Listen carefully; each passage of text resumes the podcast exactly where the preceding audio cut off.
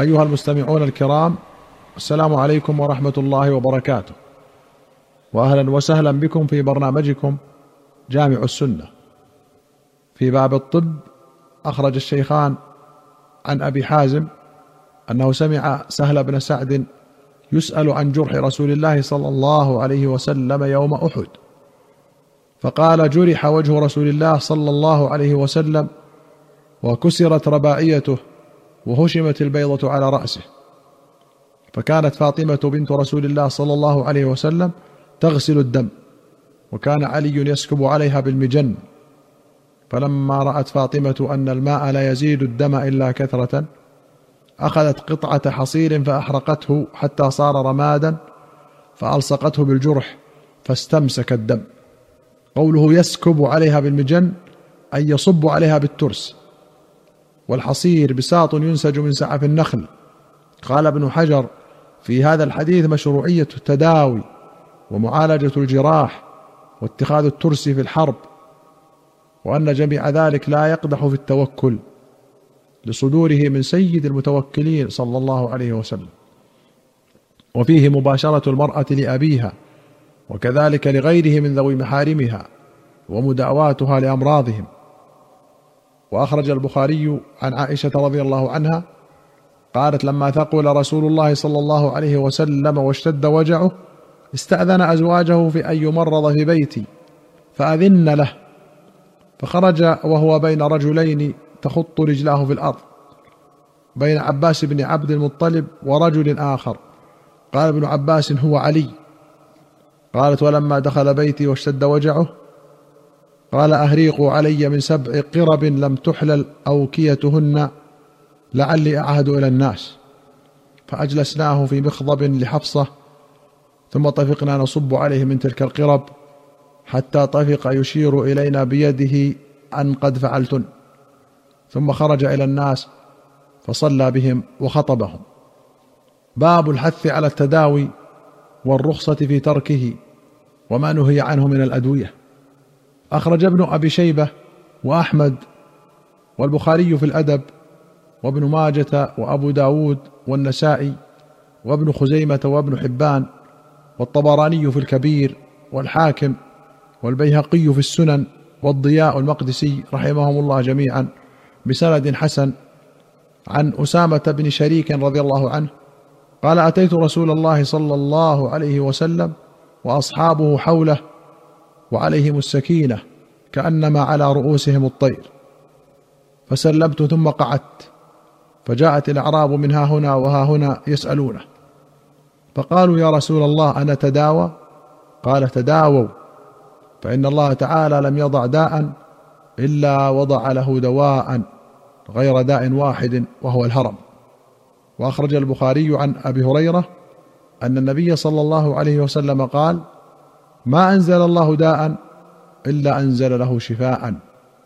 وأخرج مسلم عن جابر أن رسول الله صلى الله عليه وسلم قال لكل داء دواء فإذا أصيب دواء الداء برأ بإذن الله عز وجل.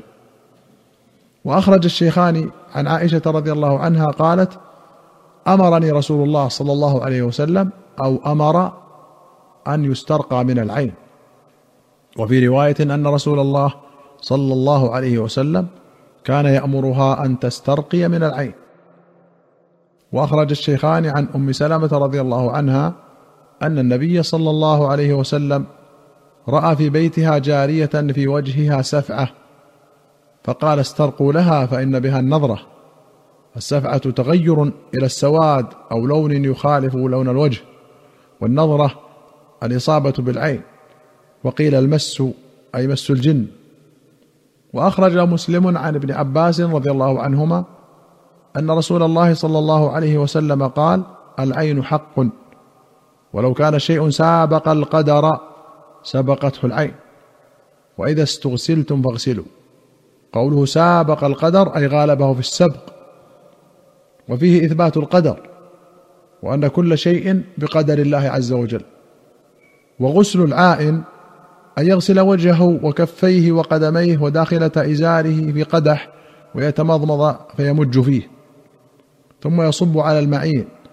وذكر النووي صفة الغسل مفصلا ثم قال واختلف العلماء هل يجبر العائن على الوضوء للمعين أم لا؟ وقال القاضي في هذا الحديث من الفقه ما قاله بعض العلماء أنه ينبغي إذا عرف أحد بالإصابة بالعين أن يجتنب ويتحرز منه. وينبغي للإمام منعه من مداخلة الناس ويأمره بلزوم بيته فإن كان فقيرا رزقه ما يكفيه ويكف أذاه عن الناس. انتهى. وفي شرح مشكل الآثار ذكر الإمام الطحاوي صفة الغسل وجمع بين أمر النبي صلى الله عليه وسلم عامر بن ربيعة أن يدعو بالبركة إذا رأى ما يعجبه وأمره إياه بالاغتسال. يحتمل أن يكون جمعهما له جميعا. ويحتمل أن ذلك كان من عامر لسهل مرتين فأمره مرة بالدعاء ومرة بالاغتسال. ويحتمل أن الاغتسال نسخ. ثم ساق حديث أبي سعيد المتقدم بسم الله أرقيك. وحديث عائشة أمر رسول الله صلى الله عليه وسلم أن يسترقى من العين. وقال ففي هذه الآثار الاكتفاء بالمعوذتين وبالرقاء ونسخ الغسل. لا سيما حديث أبي سعيد كان يتعوذ من عين الجان وعين الإنسان فلما نزلت المعوذتان أخذهما وترك ما سواهما. ففيه نسخ الغسل وما سواه مما كان يفعله صلى الله عليه وسلم قبل نزولهما عليه. وأخرج مسلم عن جابر رضي الله عنه قال نهى رسول الله صلى الله عليه وسلم عن الرقى فجاء آل عمرو بن حزم فقالوا يا رسول الله إنه كانت عندنا رقية نرقي بها من العقرب وإنك نهيت عن الرقى فعرضوها عليه فقال ما أرى بأسا من استطاع منكم أن ينفع أخاه فلينفعه. وفي رواية قال رخص النبي صلى الله عليه وسلم لآل حزم في رقية الحية وقال لأسماء بنت عميس ما لي أرى أجسام بني أخي ضارعة تصيبهم الحاجة؟ قالت لا ولكن العين تسرع إليهم. قال ارقيهم. قالت فعرضت عليه فقال ارقيهم. وفي أخرى قال جابر كان لي خال يرقي من العقرب. فنهى رسول الله صلى الله عليه وسلم عن الرقى فأتاه. فقال يا رسول الله إنك نهيت عن الرقى وأنا أرقي من العقرب. فقال من استطاع منكم أن ينفع أخاه فليفعل. قوله بني أخي يعني أولاد جعفر بن أبي طالب وقوله ضارعة أي نحيفة ضعيفة وقوله تصيبهم الحاجة أي هل يجوعون.